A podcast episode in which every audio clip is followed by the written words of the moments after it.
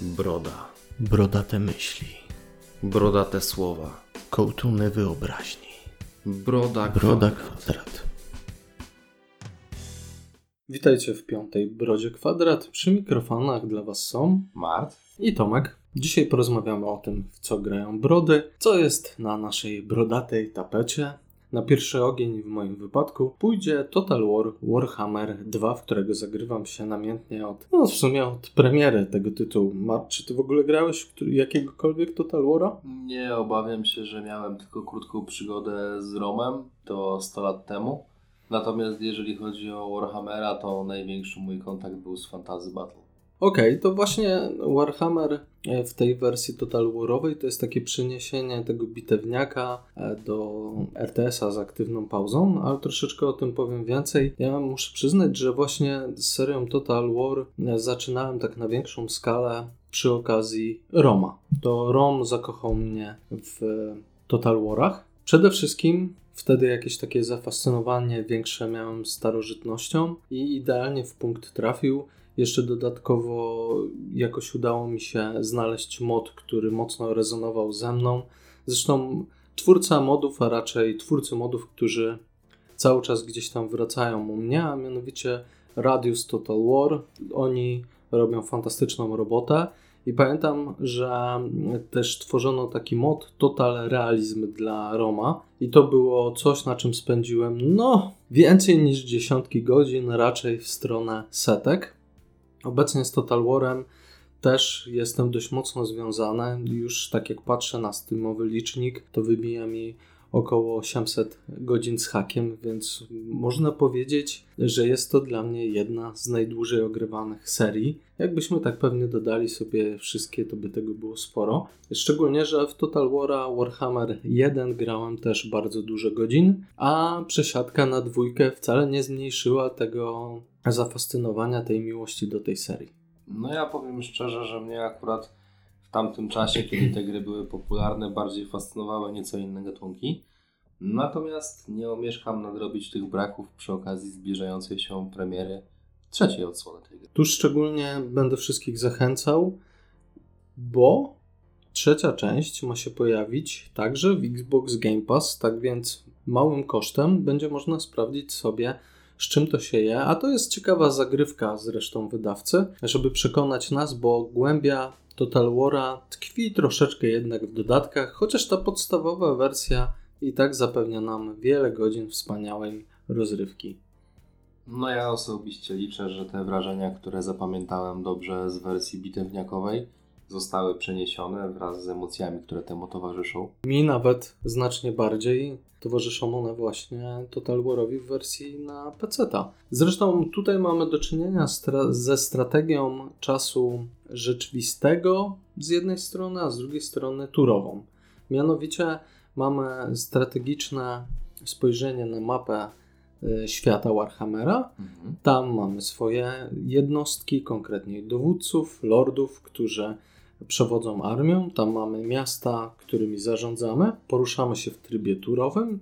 Natomiast gdy dochodzi do starcia, przenosimy się na mapę bitewną i tam rozgrywamy walkę w czasie rzeczywistym, na szczęście z aktywną pauzą. To jest bardzo ważne, że ta aktywna pauza to nie tylko stop w rozgrywce, ale pozwala nam wtedy wydawać rozkazy, gdzieś tam przeglądać te jednostki, manewrować nimi, Mhm. gdzie po puszczeniu czasu one wykonają wszystko, co tam sobie ustaliliśmy, co jest dla mnie najlepszym rozwiązaniem między strategiami turowymi, a tymi właśnie RTS-owymi czasu rzeczywistego. Ja zdecydowanie bardziej skłaniałem się zawsze w kierunku gier z trybem turowym. Natomiast chyba pierwszą taką grą, która przekonała mnie do aktywnej pauzy i pokazała, że to jest wspaniały kompromis, no to był Pillars of Eternity. No to dość świeża produkcja, ale to czerpie e, swoje korzenie jeszcze z wcześniejszych gier, bo Pilarsy zainspirowane są w tym wypadku Baldur's Gate'em. No, nie kryją tego nawet. No tak, i tam też była ta aktywna pauza. Chyba pierwszy raz właśnie się spotkałem z aktywną pauzą przy okazji Baldur's Gate'a. Jeżeli zaś chodzi o Total War'a, to tutaj mówimy o produkcji Creative Assembly. Druga część wyszła w 2017 roku. Wydawcą jest Sega. No i tutaj wokół tego wydawcy, czy w ogóle wokół dewelopera jest wiele mieszanych odczuć, jeżeli chodzi o fandom Total War'a.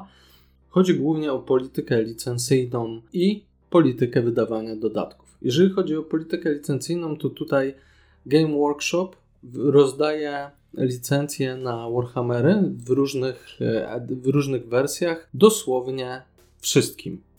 I z tego rodzi się czasami w produktach wyśmienitych właśnie jak Total War Warhammer, ale też zdarzają się mniej udane twory. Ale ja wciąż jestem zwolennikiem tego, żeby dawać tą licencję i dawać szansę twórcom. Jeżeli oni to wykorzystają, no to super. Czasami wśród tych 10 gier, które pojawiają się w ciągu roku, trafia się chociaż jedna gra, która jest udana. Chciałbym, żeby podobną polityką kierował się Disney, czego już na miastkę widzimy, bo wreszcie licencja Gwiezdnych Wojen też jest przekazywana innym twórcom niż jedynie Electronic Arts. Znaczy, prawda jest taka, że jeżeli chodzi o Gwiezdne Wojny, no to gier w tych klimatach doświadczyć mogliśmy naprawdę wiele. Fakt faktem, zdecydowanie jest większa szansa, że doświadczymy ich jeszcze więcej w momencie, kiedy te prawa licencyjne będą nieco bardziej przychylne innym twórcom. Natomiast ja z Tobą zgadzam się w pełni. Nawet jeżeli jakakolwiek produkcja na danej licencji okaże się fiaskiem, to nikt nie będzie patrzył krzywym okiem na głównego ich właściciela, tylko na tych, którzy to nas kiepścili. Dlatego cieszę się, że Disney poszedł po rozum do głowy i dał te licencje, choćby ostatnio mieliśmy zapowiedź od Quantic Dream jednej z produkcji. Jestem bardzo ciekaw, co zrobią twórcy Heavy Raina czy Detroit, Detroit Become Human. Ale wracając do samego Creative Assembly i Segi, tutaj drugą właśnie tą kwestią poruszaną nie do końca, też lubianą przez fanów, jest polityka wydawania dodatków. Nie no, ja osobiście uważam, że duża ilość dodatków w większości gier jest świetnym pomysłem, pod warunkiem, że nie są to powycinane fragmenty pierwotnej gry i nie odczuwamy tego w podstawowym gameplayu. Jeżeli gra jest kompletna jako podstawka, to wystarczy tym mniej wymagającym graczom. A w momencie, kiedy jednocześnie mamy mnóstwo dodatków i jest to tytuł, który, jak już sam powiedziałeś na własnym przykładzie, potrafi wciągnąć kogoś na 800 czy nawet więcej godzin, no to zwiększajmy ten kontent, dawajmy większe pole do grania. Ja z tym akurat nie mam problemu, ale rozumiem też zarzuty niektórych graczy. Szczególnie, że nie zawsze jest to jasne, czy ten content został wycięty, czy też nie. Było na początku dużo problemów, na przykład z chaosem, który pojawił się no, tuż po wydaniu pierwszej, pierwszej wersji Warhammera i on był tylko dostępny albo w przedsprzedaży, albo też od razu w dodatku po opublikowaniu, co jasnym było, że mhm. powstał w toku produkcyjnym całej pierwszej części. No, w takim przypadku nie ma co się dziwić, że gracze patrzą na to nieprzychylnie, dlatego że ja przynajmniej tego typu zagrania odbieram jako jawny skład na kasę. W sensie przygotowaliśmy grę, ale jest tego materiału na tyle dużo, że możemy wydębić od graczy więcej pieniędzy. Później próbowali troszeczkę tą sytuację załagodzić i według mnie się udało, ale różne głosy są.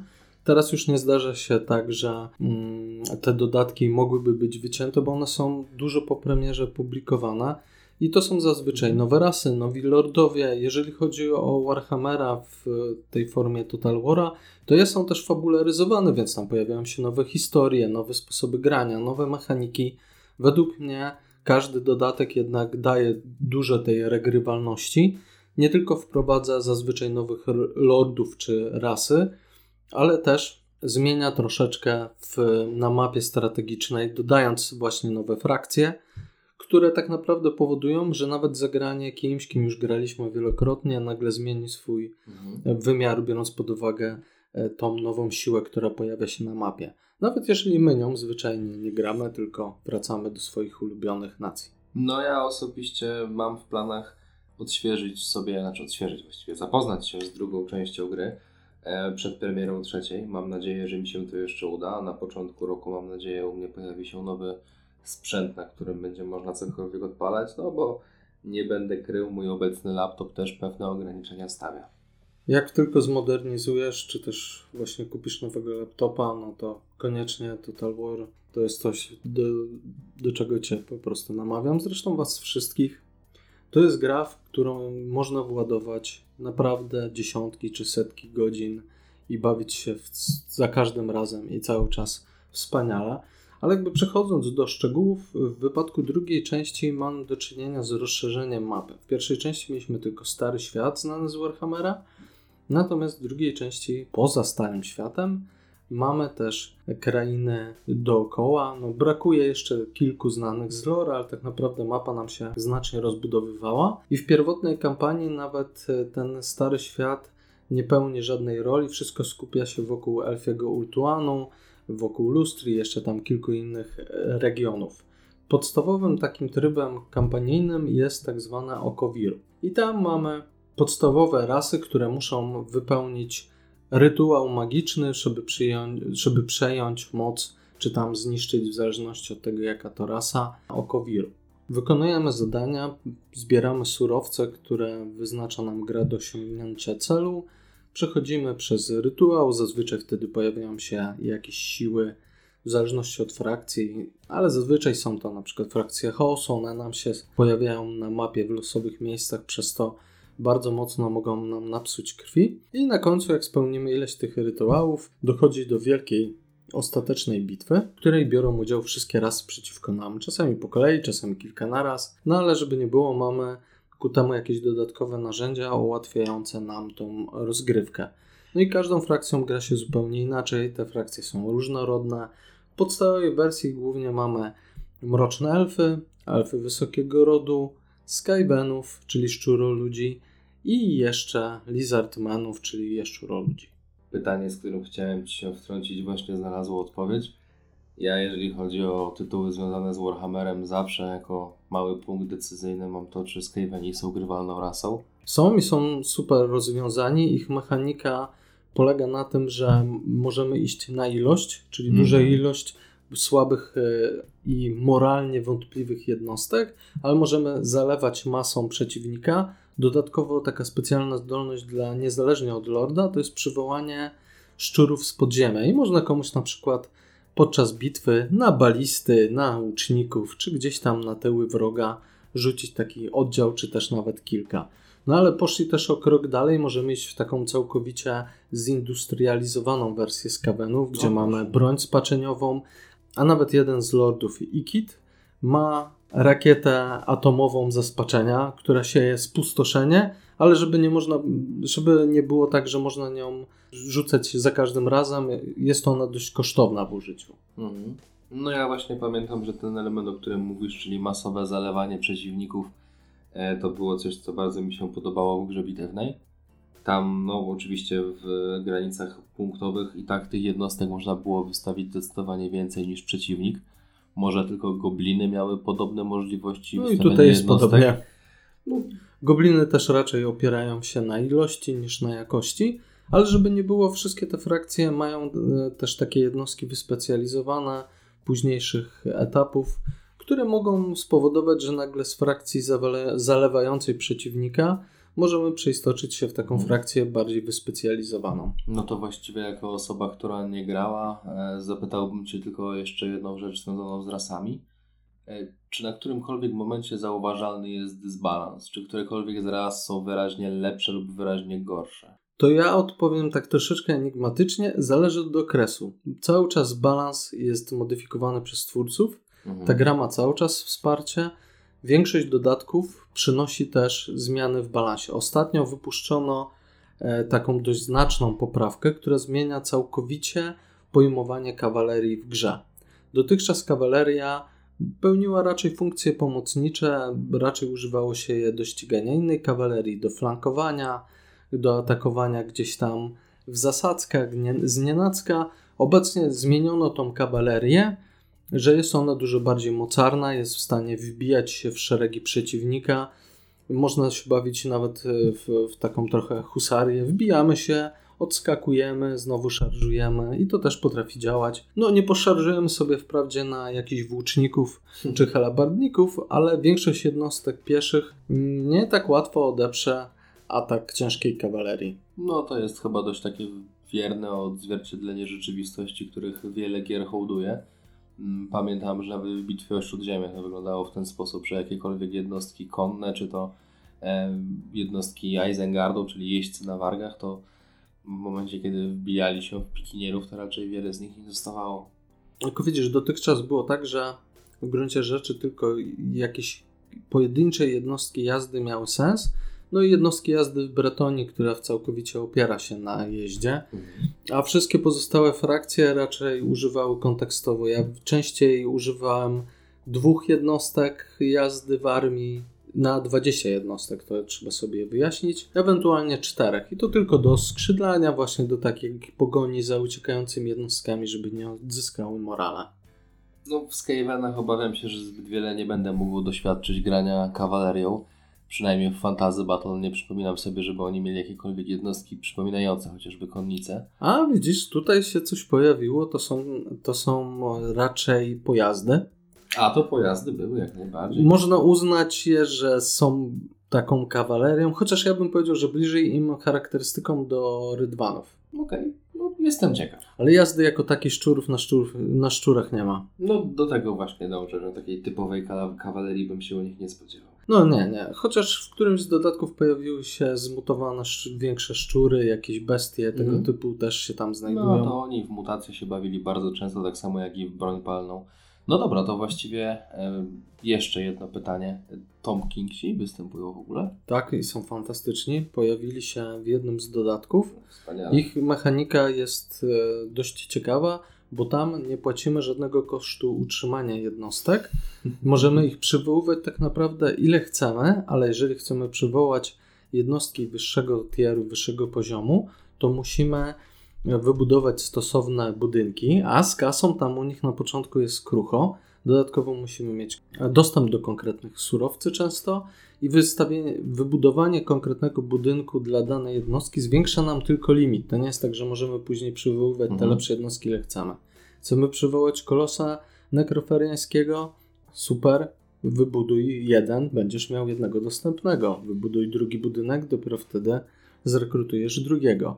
Więc nie jest to takie proste, choć jest dość ciekawe. Balansowanie tym, e, w ogóle ich magia, ich e, nawet projekty jednostek są naprawdę świetnie. To, co zrobili twórcy z Creative Assembly, to jest czyste złoto. Jednostki są fantastycznie oddane, czasami nawet bardziej różnorodne graficznie, pozami, wyglądem niż te wersje bitewniakowe.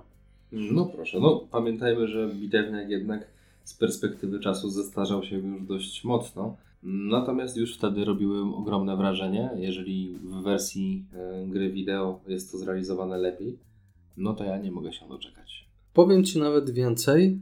Tam każda frakcja jest niesamowita, unikatowa, oddana w z niezwykłym pietyzmem, odtworzona. Wszystko jest przemyślane. Jednostki są oryginalne. Granie każdą z tych frakcji to jest zupełnie inna rozgrywka. Zacznę pewnie od tych ulubionych, o których już Cię lekko wypytałem, ale kto wie, jeśli gra wciągnie mnie podobnie jak i Ciebie na setki godzin, to pewnie z ciekawości sięgnę też w kierunku tych frakcji, które są mi mniej bliskie. Dla tych, co chcieliby właśnie spróbować z kimś, i to pewnie spróbujemy też z Martem, jest właśnie kooperacyjna kampania na dwójkę. Można grać wspólnie kampanię zarówno w trybie sojuszu, jak i ry- rywalizując ze sobą. Pewnie bardziej łatwiej będzie Ci namówić mnie na to drugie, ale kto wie, może w sojuszu też stawimy wspólnie czoła siłą chaosu. I to jest kolejna rzecz. Poziom trudności jest bardzo mocno regulowany przez to, co wybierzemy na pasku. Jeżeli sobie wybierzemy, nie znając na przykład tego świata mechaniki, wersję łatwą, to faktycznie tam komputer niewiele nam robi. Mamy spokojnie pu- puste pole, żeby się rozbudować, przygotować na jakieś walki. Natomiast już na poziomie trudnym czy bardzo trudnym, faktycznie komputer będzie starał się nas dociskać, atakować każdej, z każdej strony, będzie miał dużo więcej jednostek. Ich koszt utrzymania zwyczajnie będzie znacznie mniejszy niż my. Gra on trochę oszukuje w tym względzie, ale nie w taki sposób, żeby, żebyśmy czuli, że nie mamy z nią szans. No poniekąd chyba na tym polega zwiększanie poziomu trudności w strategiach. Z tego co pamiętam to jest wiele tytułów, w którym grając na najwyższych poziomach trudności już w pierwszych minutach mogliśmy się spodziewać ataków ze strony wroga. I to absolutnie nie były jednostki, a właściwie ich ilości, które mógł wyprodukować gracz w tym samym czasie. Tu chyba tylko takie odczucia mogą mieć ci, którzy zdecydują się na tryb legendarny, ale ten tryb jest czymś, e, czego akurat ja osobiście nie polecam. Nie da się wtedy stosować aktywnej pauzy, a bardzo tego nie lubię. Dla mnie czysta przyjemność na polu bitwy jest wtedy, kiedy mogę sobie spokojnie zapauzować, obejrzeć jaka jest sytuacja, zobaczyć gdzie są rozstawione jakie jednostki, obmyśleć sobie jakąś strategię, czy też ewentualnie na bieżąco modyfikować, wydawać rozkazy. Nie lubię tego robić pod presją czasu, dlatego może nie jestem aż tak wielkim fanem RTS-ów bez pauzy. Nie no, mnie osobiście aktywną pauzą po części zachęciłeś. E, także myślę, że też, no zresztą na początku to raczej tak nie byłoby dobre rozwiązanie. Myślę, że też nie będę patrzył w kierunku tego najwyższego trybu trudności. Natomiast chwała twórcom, że przemyśleli zarówno mm, to, że w ich grę będą grali ludzie, którzy raczej preferują spokojniejsze pojedynki, no jak i tych, którzy prawdziwą przyjemność wynoszą dopiero z rozgrywki, która wciska im twarz w błoto. I tu kolejna możliwość indywidualnego podstosowywania poziomu trudności. Możemy oddzielny poziom trudności wybrać dla bitew, Mhm. a oddzielny poziom trudności dla mapy strategicznej. Co jest super, bo w zależności od tego inaczej zachowuje się AI i na polu bitwy, i w relacjach dyplomatyczno-wojennych. Wszystko, co mówisz, brzmi naprawdę bardzo ciekawie. Biorąc pod uwagę, że ostatnio chętniej spoglądam na gry, które właśnie są grami strategicznymi, to myślę, że Warhammer prędzej czy później zostanie odpalony. Dodatkowo twórcy dbają mimo wszystko, mimo tych zarzutów, o których wcześniej mówiłem, związanych z polityką dodatków, dbają o swoich fanów i dają tym, którzy zaangażowali się bardziej też finansowo, dodatkowe profity. W drugiej części, na przykład właściciele dodatków pierwszej części, mają te frakcje dostępne za darmo. Jest poza zwykłą kampanią, jest kampania, kampania tak zwana Imperia Śmiertelnych. I tam występują całe frakcje. Mamy zarówno te lądy, które są w kampanii z drugiej części, jak i Stary Świat, a nawet trochę więcej. I pojawiają nam się właśnie znane frakcje. Możemy sobie zagrać zarówno wtedy krasnoludami, Imperium, Chaosem, Norsemenami i tak dalej. No tego jest akurat dość sporo. No jeden z wniosków, który ciśnie mi się niemal od razu e, na myśl, kiedy tego powiadasz o tej grze, e, no to to, że musi tam być ogromna regrywalność. Zresztą no, ilość godzin, którą przegrałeś już chyba też bezpośrednio o tym świadczy. Raczej nie grałbyś w coś, co jest aż tak wtórne tyle czasu.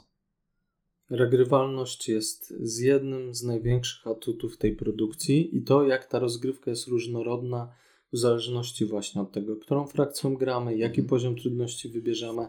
Dodatkowo w ramach frakcji możemy wybierać różnych lordów, którzy zmieniają nam bonusy, czy też kierunkują w stronę konkretnego typu rozwoju. Generalnie sama walka opiera swoje podstawy o taką prostą zasadę kamień, papier, nożyce. Czyli jeżeli jesteśmy na polu bitewnym, miecznik pokona włócznika, włócznik pokona konnego, łucznik zestrzeli wszystkich, dopóki do niego nie podejdą, ale ma mniejszą skuteczność do tych, którzy mają tarczę. Takie założenia były tych Total Warów wcześniejszych, ale tutaj nagle dochodzą nam kolejne elementy.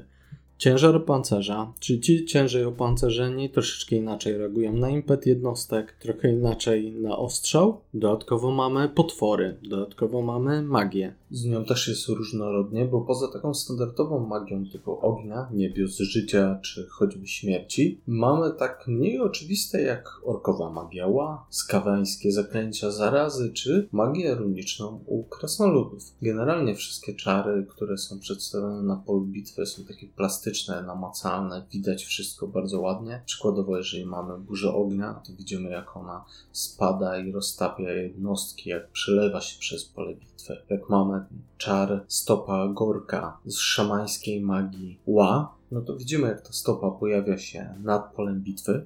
Widzimy jak ona z impetem uderza w jednostki, rozrzucając je na wszystkie strony i miażdżąc pod sobą. Robi to fenomenalne wrażenie. Poza tym mamy jeszcze tej układance lordów, którzy poza tym, że przewodzą armią, no to biorą czynny udział na polu bitwy jako pojedyncze jednostki. To są często bohaterowie, którzy potrafią e, w walce zwyczajnie pokonać całe regimenty. Oni mogą być takimi typowymi jednostkami do zwalczania piechoty, jak i wyspecjalizowanymi jednostkami do konkretnych zadań, czy też zwyczajnie magami sięgającymi spustoszenia czarami. Jeżeli natomiast nie mamy lorda, który czaruje, no to możemy skorzystać z bohatera, bo tutaj mamy agentów, niegdyś oni się tak w serii Total War nazywali, i tam, choć pełnili funkcje raczej związane z handlem, dyplomacją, szpiegostwem, tak tutaj, no, poza tym, że też mogą pełnić te funkcje i wspomagać armię na przykład e, przez zwiększanie mobilności, przez zwiększanie doświadczenia,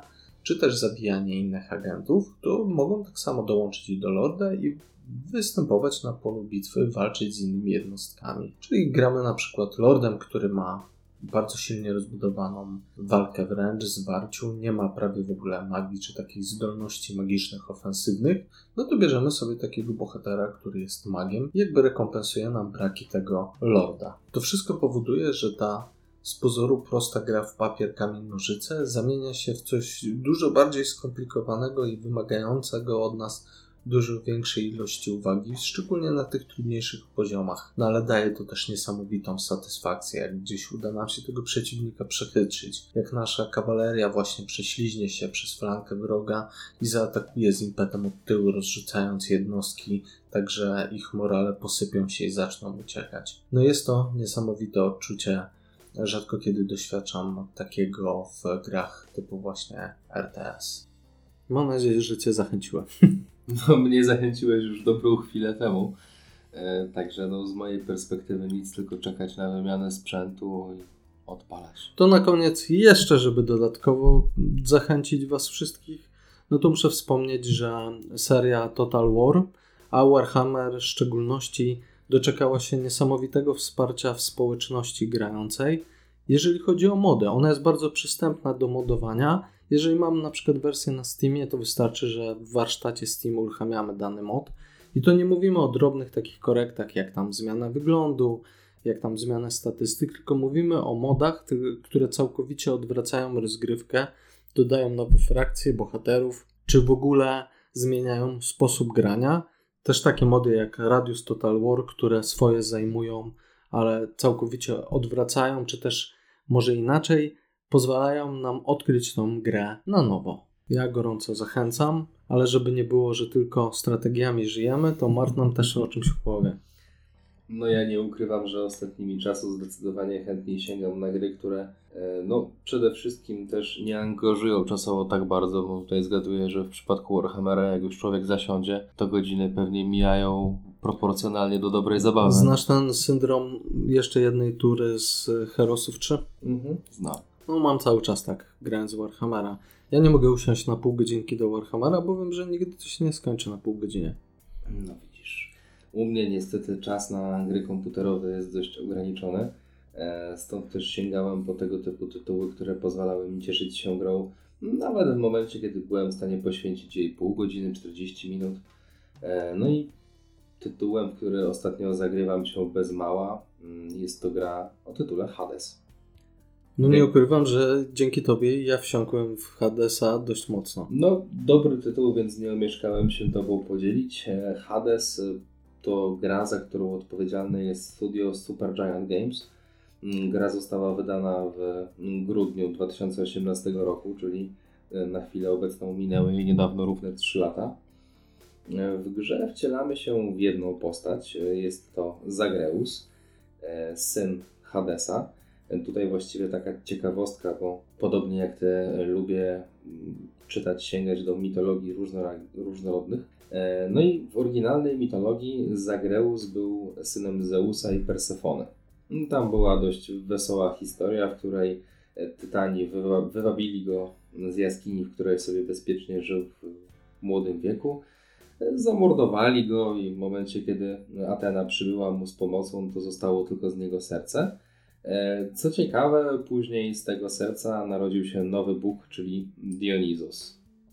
Tak Przyznam się, że nie znam się w sumie tej części historii i teraz to, co miałem przy okazji w Hadesie miesza mi się z tą rzeczywistą mitologią. No, dlatego chciałem o tym wspomnieć, dlatego, e, gdyż twórcy gry no, delikatnie zmienili ten bieg wydarzeń. W ogóle, jeżeli pamiętam, to ta gra, bo ty mówisz, że ona już 3 lata temu została wydana, ale z Mhm. tego co kojarzę, to ona początkowo była przez długi czas w Early Accessie. Dopiero Mhm. z rok temu czy z półtora wyszła z tego Nie Early zgadza się. Accessu. Ona bardzo długo w Early się pozostawała, natomiast gra była przez długi czas mocno wspierana. Z tego co kojarzę, nawet jeszcze niedawno mogliśmy doświadczyć kilku mniejszych lub większych zmian.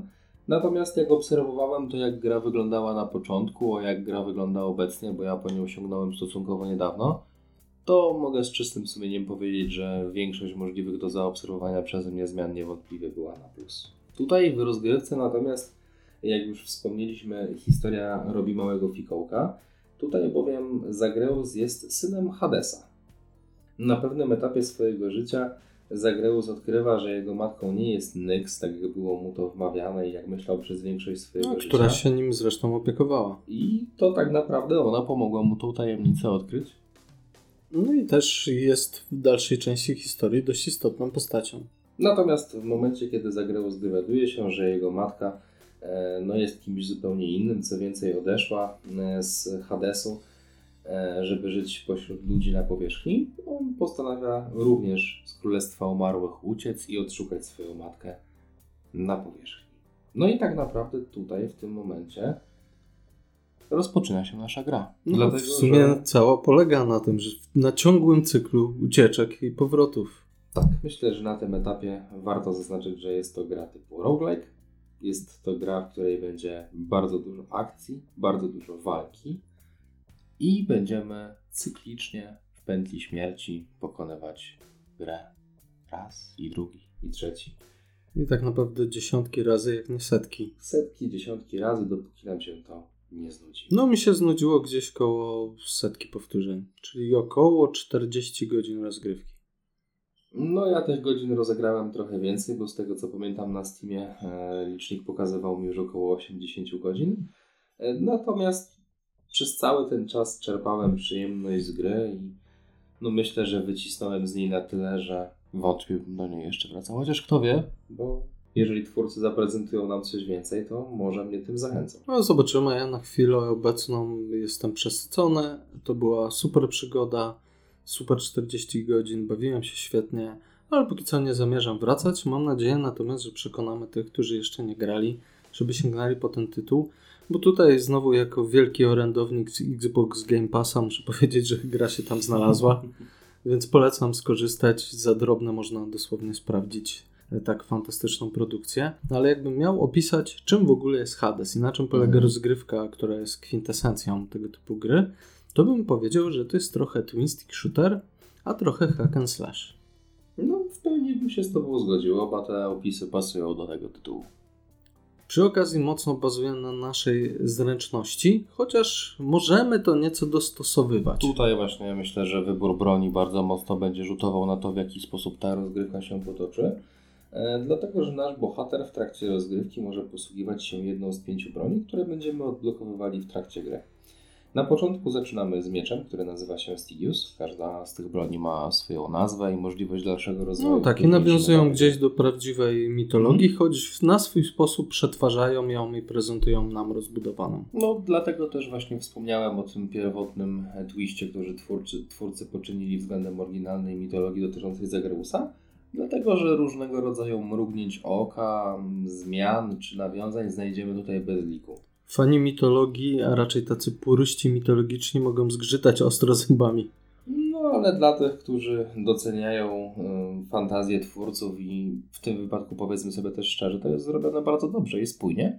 Bardzo fajne przetworzenie mitu. To- Ja jestem wielkim zwolennikiem e, opowiadania historii na nowo, jeżeli zachowuje się jej sens, jakby serce tej historii, ale robi się to w sposób ciekawy, albo wręcz w drugą stronę, jak odwraca się to całkowicie, Mhm. wymiksowuje i robi coś zgoła innego, zachowując gdzieś ciekawą myśl. Ja absolutnie nie mam żadnym twórcom nigdy za złe, jeżeli zmieniają coś lub wplatają wątki od siebie pod warunkiem, że finalna realizacja jest dobra. No ale tu się zgadzamy, że ta jest nawet bardzo dobra. Jest świetna, to prawda. Zresztą no, nie bez powodu wciągnęła nas na tyle godzin. Czy miałeś jakąś swoją ulubioną broń w trakcie rozgrywek? Nie, każdą mi się dobrze grało. Nawet lubiłem zmieniać właśnie, żeby zmienić styl Mhm. rozgrywki, bo to też trzeba zaznaczyć. Ta gra bardzo mocno różni się od tego, jaką broń wybierzemy. Tak, to prawda. Dlatego chciałem właśnie nawiązać do tych e, różnych A rodzajów ty miałeś broni. swoją? E, tak, myślę, że łuk. Łuk e, wciągnął mnie najbardziej i pozwalał na bardzo ciekawe połączenia z aspektami bogów, o czym opowiemy trochę e, już za moment. Łuk też, żeby nie było, jest taką ciekawą bronią, gdzie możemy grać na bardzo precyzyjne, mocne strzały, możemy grać na coś e, typu zasypywanie gradem pocisków. Też w gruncie rzeczy rozgrywka jedną bronią nie musi być taka sama. Nie, tutaj absolutnie, dlatego że jakby wybór broni to jest pierwszy element gry, który mm, podejmujemy tak naprawdę decyzję o wyboru oręża, zanim jeszcze zdecydujemy się na rozpoczęcie rana. Natomiast y, gra jest sekwencją pomieszczeń. Wchodzimy do pierwszego pomieszczenia, musimy zmierzyć się z przeciwnikami w większości przypadków i na końcu wybieramy nagrodę. To może być złoto, to mogą być kryształy, które pozwolą nam rozwinąć się w sposób trwały na kolejne rozgrywki. Ale coś, co spotykać będziemy zdecydowanie najczęściej, to są aspekty, czyli dary różnych bogów, którzy wspierają nas z tej ucieczki. Tak, pojawiają się bogowie znani nam z mitologii. Gdzieś tam prowadzimy z nimi dialog. Te nasze relacje rozwijają się za każdym razem, gdy ich spotykamy. I oni wręczają nam jakiś dar, który zmienia dość znacznie rozgrywkę albo wpływa na to, jak, jakie moce mamy. Bogowie mogą odnosić się do różnego rodzaju e, naszych broni, czy posunięć naszego bohatera. I w zależności od tego, jaką bronią się posługujemy, pewnie bardziej chętnie będziemy wypatrywać konkretnych z nich. Dlatego, że no, dla przykładu Zeus, y, Poseidon bardzo dobrze będą łączyć się z karabinem. Moim zdaniem świetnym rozwiązaniem jest połączenie Ateny z mieczem. No tutaj nie dość, że każdy znajdzie swoje połączenia, które będą pasowały mu najbardziej, to gra jeszcze w ciekawy sposób pozwala potem łączyć je w mechanice duetów, czyli no niektórzy bogowie będą wspierali siebie nawzajem w połączeniach, które my wybierzemy. I tu się pojawia jeden problem, jeden zarzut, bo możemy znaleźć kilka tych wariantów rozgrywki, które nam pasują. I niestety, ale element losowy, który zawsze występuje w grach typu roguelike, Mhm. powoduje, że nie, nie zawsze będziemy mogli zagrać tak jak chcemy. I często w trakcie ranu, po kilku na szczęście minutach, możemy się zorientować, że jednak nie idzie to w tę stronę, którą oczekujemy. No, powiem tak, z wszystkich roguelike'ów, które grałem do tej pory, Hades pozwala najbardziej tą losowość z mojej perspektywy oswajać. Dlatego, że już z tej małej szafeczki z ozdobami na początku rozgrywki możemy wybrać jakiś pierścień albo broszkę,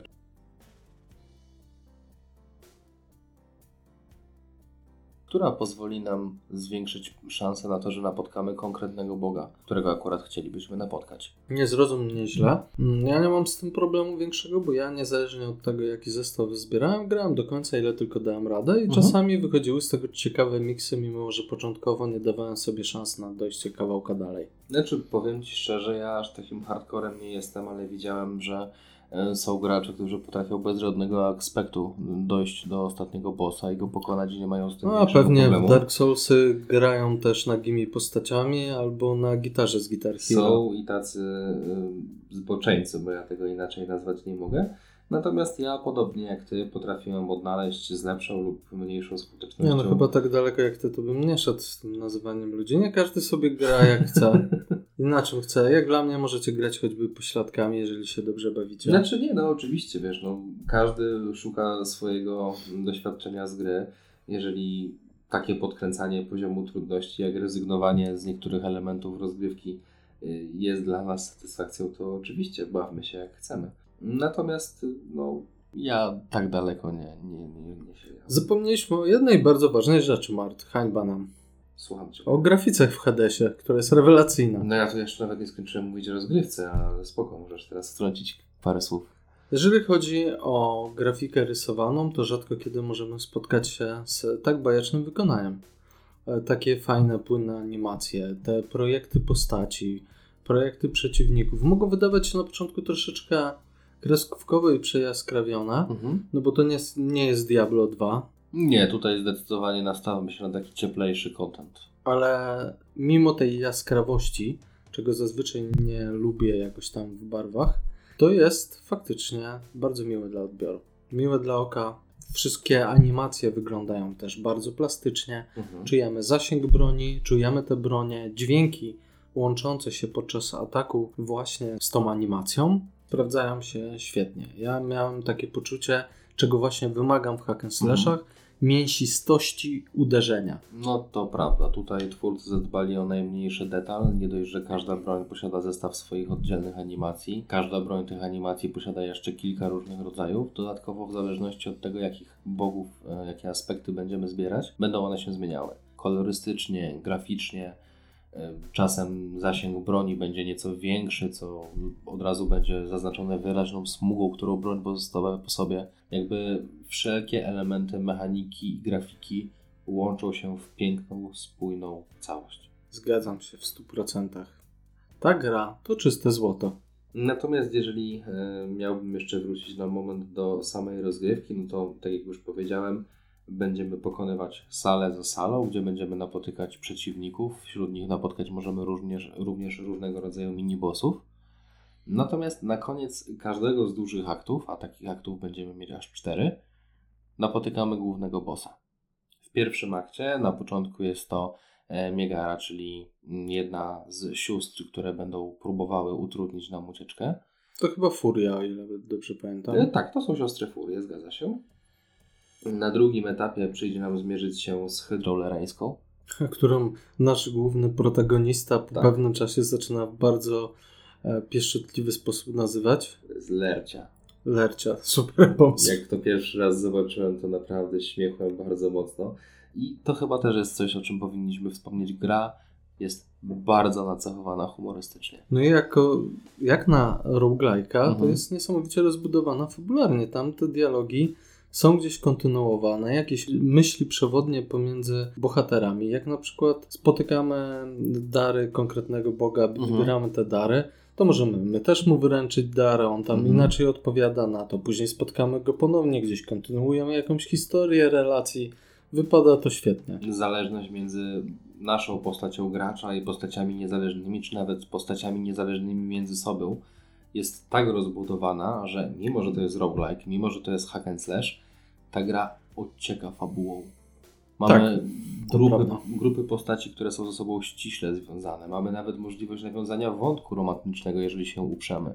Ale na szczęście to nie jest tak, jeżeli wy nie jesteście fanami Mhm. fabuły i hack and slash czy roguelike, to dla was gameplay, gameplay i jeszcze raz Nie, gameplay. jakby powiem szczerze, Możecie jest, pominąć tą fabułę. To jest zupełnie. jedna z nielicznych gier, kiedy można skipnąć każdy dialog i on w żaden sposób nie wpłynie Ale nie na... róbcie tego. Nie, nie, nie. Nacieszcie się, wyciśnijcie z Właśnie. tej gry ile się da, dlatego że takie małe, drobne elementy, to jak niektóre postacie są chamskie i bezczelne, jak właśnie wspomniana wcześniej Megara, to jak niektóre postacie potrafią być życzliwe, jak chociażby Syzyf, wątki, które można poodkrywać. Syzy, Syzyf i jego kamyczek, który w, na górę... Wiesz, że potem możesz nawet nawiązać y, w cudzysłowie dialog z tym kamieniem? E, tak, ja do tego doszedłem. Można rozmawiać z nim. Te dialogi też są To przezabawne. Tak, to naprawdę Raczej monolog. Ale Tak. to mniejsza. Nie zagłębiajmy się w szczegóły, ale mamy takie drobne rzeczy, jak relacja na przykład e, właśnie Zagreusa z Orfeuszem i Mhm. te opowiadanie pieśni. Ten moment, w którym Orfeusz zagubił swoją muzę, utracił swoją miłość do muzyki, gdzieś tam nie może z siebie wykrzesać, a my jako Zagreus spróbujemy go gdzieś nakłonić, gdzieś spróbować e, coś od niego, coś z nim jeszcze raz wzbudzić. natchnąć go ponownie. I zresztą w- w późniejszym etapie skutecznie. Historia miłości Achillesa też jest bardzo fajna. Tak, to prawda, chociaż akurat ten wątek udało mi się stosunkowo późno odkryć. Nie wiem dlaczego, ale ja w ogóle nie mogłem spotkać się z Patroklosem. No tutaj jednak to, że pokoje generują się losowo, niektóre rzeczy może przyspieszyć, opóźnić. Natomiast nie ma chyba żadnej postaci, która irytowałaby mnie, którą uważałbym za zbędną, która była w sposób słaby napisany. Tutaj wszystko trzyma jeden poziom i to jest wysoki poziom.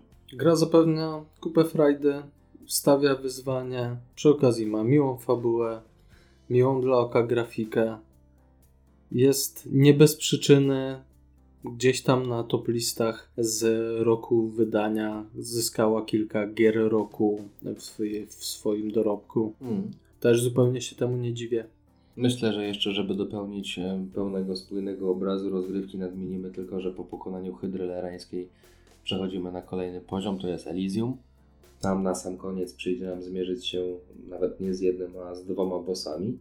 Mm, Mianowicie jest to Król i Minotaur. Miałeś z nimi problemy? Czasami, jeżeli chodzi o Tezeusza, to to fajna postać, taka pyszałkowata, Mhm. takiego herosa, który chce nam pokazać, gdzie nasze miejsce. I bardzo pokorny Minotaur. Tak, i Minotaur, którego możemy spotkać wcześniej jako mini-bossa. A to jest ogólnie super, bo jeżeli napotkałeś go wcześniej i pokonałeś go wcześniej, to on w finałowej walce ma trochę mniej życia. O, to na to nawet nie zwróciłem To uwagi. jest super aspekt.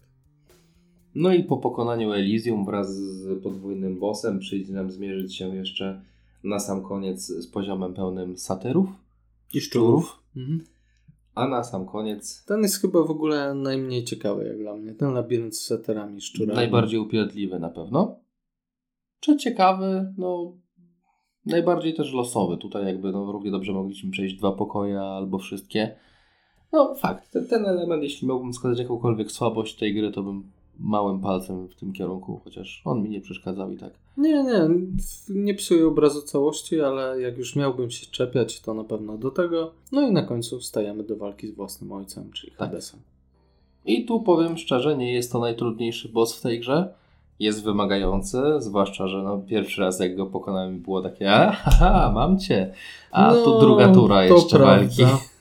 Ale jednak Tezeusz z Minotaurem po, potrafią bardziej napsuć krwi. No ja co prawda na myśli miałem akurat Harona, ale Ale to jest opcjonalny boss. opcjonalny, ale najtrudniejszy. Ale z tych, z których, których musimy pokonać, to chyba jednak Tezeusz z Minotaurem są najtrudniejsi.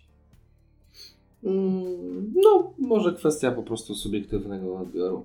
Y, Z ciekawostek wspomnę tylko jeszcze na sam koniec, że a propos mrugnięć okiem od twórców, o których y, mówiłem wcześniej, możemy jeszcze jedną fajną rzecz napotkać w trakcie rozrywki.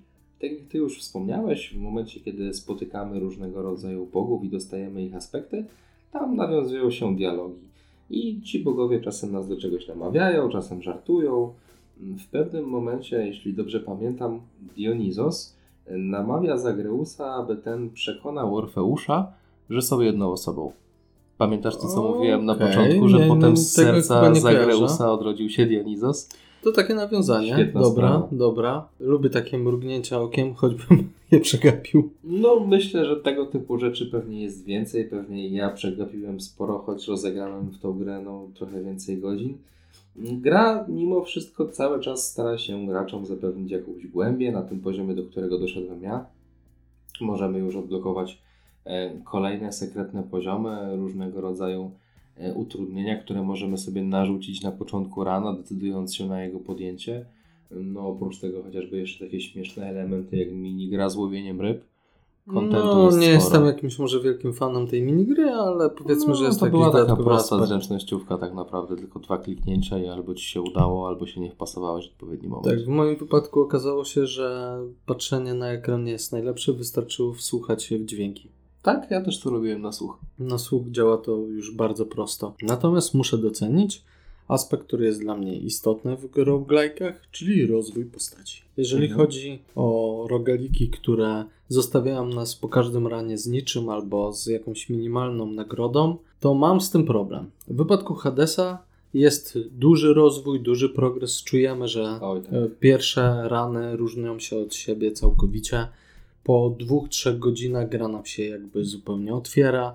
O ile na początku dojście do pierwszego bossa jego przejście jest problematyczne, potem dojście do drugiego, to tak stopniowo tą granicę przesuwamy i czuć, że stajemy się coraz mocniejsi. Nie tylko uczymy się jak grać, w jaki sposób walczyć z danymi przeciwnikami, ale zwyczajnie zwiększamy możliwości Zagreusa. To prawda. Myślę, że jeżeli ktokolwiek z naszych słuchaczy nie grał wcześniej w Hadesa i będzie chciał po naszej namowie spróbować, dobra rada, skupcie się na początku na zbieraniu ciemności, bo to ona pozwoli nam właśnie trwale rozwinąć naszą postać i są to rozwinięcia bardzo rzutujące na rozgrywkę. Już pomijam aspekt samego zwiększenia puli życia naszego bohatera, ale jak chociażby to, że po jednym potknięciu możemy grać dalej, że po jednej śmierci naszego bohatera ta gra nie kończy się całkowicie, tylko możemy to zwiększyć do dwóch, a nawet trzech, e, czy z konkretnym przedmiotem nawet czterech potknięć, no to te zmiany są ogromne. No, tu pełna zgoda. Hadesa trzeba zagrać. Polecamy gorąco. Cóż, Jeśli mamy być z Wami zupełnie szczerzy, to materiału na ten odcinek przygotowaliśmy sobie zdecydowanie więcej. Każdy z nas z tych gier przygotowanych miał kilka, o których chcieliśmy A dzisiaj jak opowiedzieć. zawsze nie możemy powściągnąć języka Nie, albo skrócić straszny- myśli. strasznymi gadułami i wychodzi na to, że e, no, to będzie wszystko, co usłyszycie w tym odcinku. Chciałbym wspomnieć o Humankindzie, którego ogrywam i którego sprawdzam po każdym patchu. Także gram w Disco Elysium, o którym mówiłem, że dostanie polską wersję. Dostał, jest fantastyczna. No, Disco Elysium to pewnie doczeka się zupełnie swojego osobnego odcinka, bo jak i ja przysiądę do tego tytułu, to myślę, że no, będzie o czym opowiadać. Chciałbym, żebyś zagrał i żebyśmy omówili go tak bardzo kompleksowo, bo tam jest o czym rozmawiać. Oj, bardzo dużo aspektów, o których można rozmawiać. No ja na razie doświadczyłem tylko pierwszych dwóch godzin rozgrywki, już na tej podstawie się z Tobą mogę zgodzić. Natomiast w kolejnym odcinku pod tytułem W co grają brody ja bardzo chętnie opowiem Wam o takim tytule jak Dead Cells, który zresztą bardzo chętnie zestawię z wspomnianym przed chwilą Hadesem. O tak, on jednak gdzieś ma trochę części wspólnych. Tak podobne, a tak różne. Ale oba, To prawda. już spoilerując, świetne. Też tutaj muszę się zgodzić. Obaj gramy też w Fallouta 4. Raczej ja wróciłem do Fallouta, Mart zaczął swoją przygodę. Tak, niedawno y, udało mi się zrobić pierwsze podejście, które zresztą dalej trwa, ale będzie o czym powiedzieć. Ja myślę, że w międzyczasie jeszcze pojawią się kolejne gry. Nie ukrywam, że ogrywam ze znajomymi jeszcze Back 4 Blood, takiego duchowego spadkobierca Left 4 Dead i o tym też parę słów na pewno wspomnę. No i myślę, Sporo że, tego jest. Myślę, że wspomnimy też o grze, którą dla odmiany, co jest rzadkością, zdarza nam się grać razem, czyli Among Us. Tak, ostatnio przesiedliśmy na dłuższą sesję ze znajomymi i myślę, że za jakiś czas wrócimy, to będzie też dobrym przyczynkiem, żeby o tym porozmawiać. Także jak słyszycie, początek serii W jest, co grają brody. jest brzemienny w skut. Niewątpliwie znajdzie swą kontynuację. A tymczasem bardzo dziękujemy, że wysłuchaliście tego, co mieliśmy do powiedzenia i do usłyszenia za tydzień. Do usłyszenia, trzymajcie się, cześć.